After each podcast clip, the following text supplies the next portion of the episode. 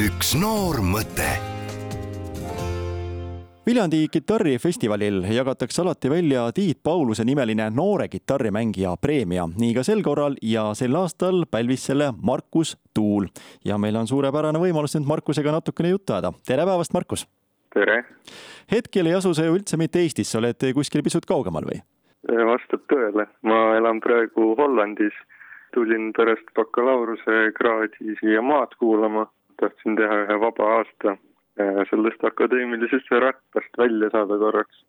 et siis uuel aastal uue hooga. eks igaüks valibki ju kuidagi vastavalt enda huvidele, soovidele selle välisriigi, need noored, kes välismaale lähevad. miks sina just nimelt Hollandi kasuks otsustasid?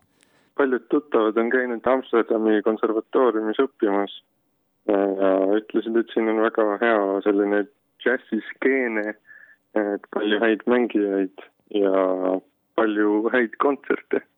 kui me nüüd ajas lähemegi aastaid juba tagasi, kuidas kitarr sind üldse üles leidis või sina kitarri, kuidas võtta?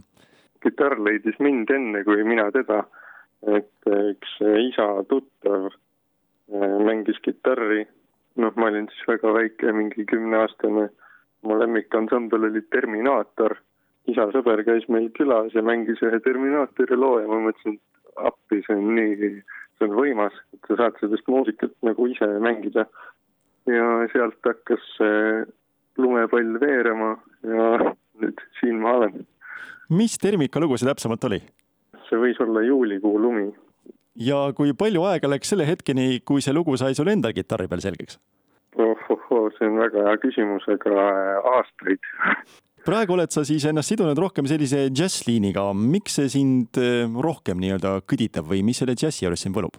džässmuusika, ma arvan, et see hakkas mulle meeldima alles siis, kui ma läksin Viljandisse Kultuuriakadeemiasse õppima. kuna džäss on selline hea just akadeemilise poole pealt nagu õppevahend, siis eh, pidime palju igasuguseid džässstandardeid ja nagu džässteooriat õppima koolis, mis võib-olla alguses isegi nii väga ei kõnetanud. Aga mida rohkem ma sellesse teemasse nagu süvitsi läksin, siis hakkas lõpuks ka minu muusikamaitse selle järgi ennast kujundama kui võtta kitarri instrumendina, mis sa arvad, kui palju kitarr on aja jooksul muutunud, sest kui me võtame nüüd nii-öelda keskmise inimesena, kes lihtsalt kuulab muusikat, ise ei mängi, kitarr on kitarr, hea küll, akustiline või elektriline kitarr, aga olemuselt oleks justkui, kes teab, kui vana seesama pill, aga kas kitarr on aja jooksul tegelikult muutunud ka või? Usun küll, et on, vähemalt siis, kui mina hakkasin kitarri mängima, siis ma alati nagu kujutasin ette, et oh, kitarr ja selline rokkstaarid ja rokkmuusika ja nii edasi. ja mulle tundub, et praegu on see liikunud tegelikult natuke, võib-olla on asi lihtsalt nendes ringkondades, milles ma liigun, aga et kitarri võetakse sellise natuke tõsisema muusikainstrumendina, et ta hakkab juba klaveriga samastuma, et saab mängida sellist džässmuusikat ja teha igasuguseid klassikalisi töötlusi, see on väga moes praegu. ta on suht noor pill ka, nii et ta on väga veel selline plastiline oma olekult, et muutub palju. mis sa arvad, Markus, milline võiks olla kitarristi parim iga, sest kõigepealt ju õpitakse mängima, siis saavutatakse teatud professionaalsus. võib-olla vanemas eas, kui sõrmed enam nii hästi ei paindu, ei saagi nii hästi mängida, et mis võiks see kitarristi parim aeg olla? Tahaks öelda, et mina olen hetkel oma parimates aastates et veel sõrmed lippavad ja pea ka natuke nokib. võib-olla ongi selline kahekümnendad, kolmekümnendad. ma ise alustasin küll võrdlemisi hilja. tegelikult enne Viljandi Kultuuriakadeemiat ma üldse muusikakoolis ei käinudki ja esimene kitarritund oli mul siis, kui ma olin kaheksateistaastane. ma olen ise ka veel oma arengus nagu üsna poolel teel. oot, oot, oot, sa hakkasid kitarri mängima kaheksateistkümne aastaselt ja praegu pandi sulle taskusse Tiit Pauluse parima noore kitarrimängija preemia? tegelikult ma mängima hakkasin ikka natuke varem.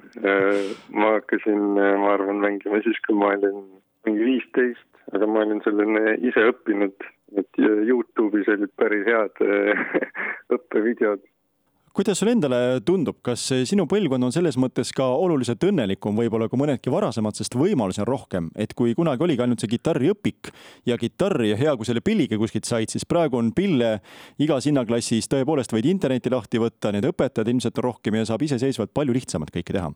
see on minu meelest selline huvitav kahe otsaga teema, et alati on kuskil mujal muru, eks ole, rohelisem. et võib-olla kui vanemad generatsioonid vaatavad, et oo, et teil on, eks ole, kõik need Youtube'i õpetused ja noh, nii palju materjali on internetis tasuta saadaval, meil ei olnud midagi, siis mina jälle vaatan, et oo, kui tore, et et teil oli ainult üks õpik, et sa ei pea nagu ise väga palju vaeva nägema, et sa saad selle õpiku ja noh, ongi kõik. et praegu see materjali hulk on nii massiivne, et vahepeal tekib selline valiku paralüüs, et ei tea, mida, kust nagu alustada või et noh, et mis see õige tee on ja lisaks see tõstab ka konkurentsi palju-palju tihedamaks, sest sisuliselt igaüks võibki õppima hakata, mis tähendab, et õppekohti on vähem, neid väga häid mängijaid on hästi palju, terve internet, terve maailm on täis, selles mõttes on ka raskem ju. jaa, kindlasti, et ma arvan, et sotsiaalmeedia on ka selline raske juhus hetkel, et teed Instagrami lahti ja vaatad, et oo, iga teine mängija on, ma ei tea, täitsa maailma tipus, et mis mina siin üldse Markus, millisena näed seda tulevikku, kas see võiks olla Hollandis, kuskil mujal, hoopis veel kaugemal või tuled sa tagasi Eestisse ja tahaksid siin midagi teha?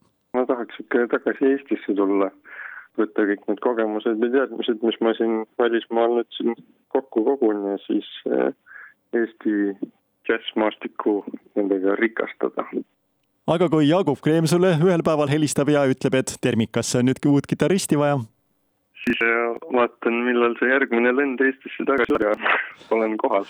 ma loodan, et Jaagup ka kuulis seda praegu. igatahes aitäh sulle, Markus Tuulväeg jutamast, väga tore ja ma siiralt loodan, et kunagi kuuleme sind ka siin meie live stuudios kitarri mängimas. ja, aitäh